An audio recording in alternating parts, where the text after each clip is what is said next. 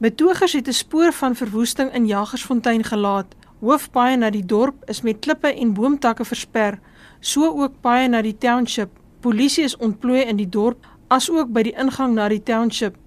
Leerlinge van die twee skole in die dorp woon nie klasse by nie, 3 weke voor die skool sluit vir die eerste semester. Inwoners sê hulle is keelvol vir die stand van sake. Dit is nou al 2 weke wat ons skool toe gaan nie, né?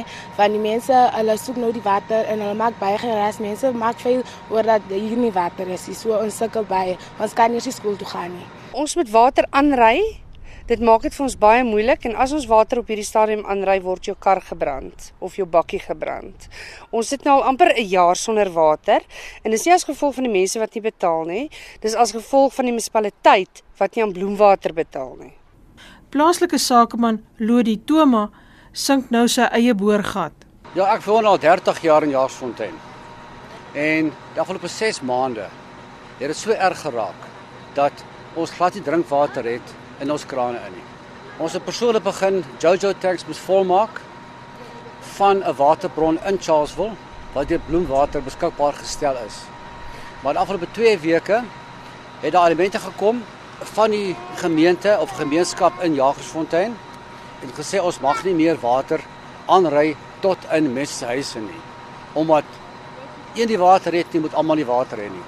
Ons hospitale het gesluit, ons skole is al vir die afgelope 2 weke toe as gevolg daarvan. Die Kopanong munisipaliteit skuld Bloemwater meer as 290 miljoen rand.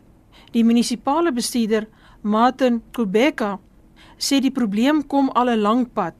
Issue of water in Kopanong has its own historical nature.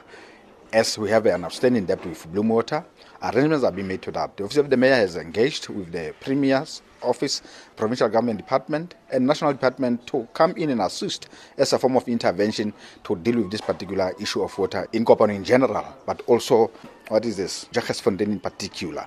Gemeenskapsleier Surprise Quantini het aansprake van die munisipaliteit dat die gemeenskap die waterklepstelsel gesaboteer het as leuns afgemaak. The MM Mr. Ntate Kubeka is totally lying. When was he here in Jagersfontein? Because the last time when you saw him here, he was with the mayor. And you can now, even if you people of the media can go, I can take you there where these people of town or where us, some people who are having transport, where they are getting water, I can take you there so that you see that that thing is operating, the water is running normally.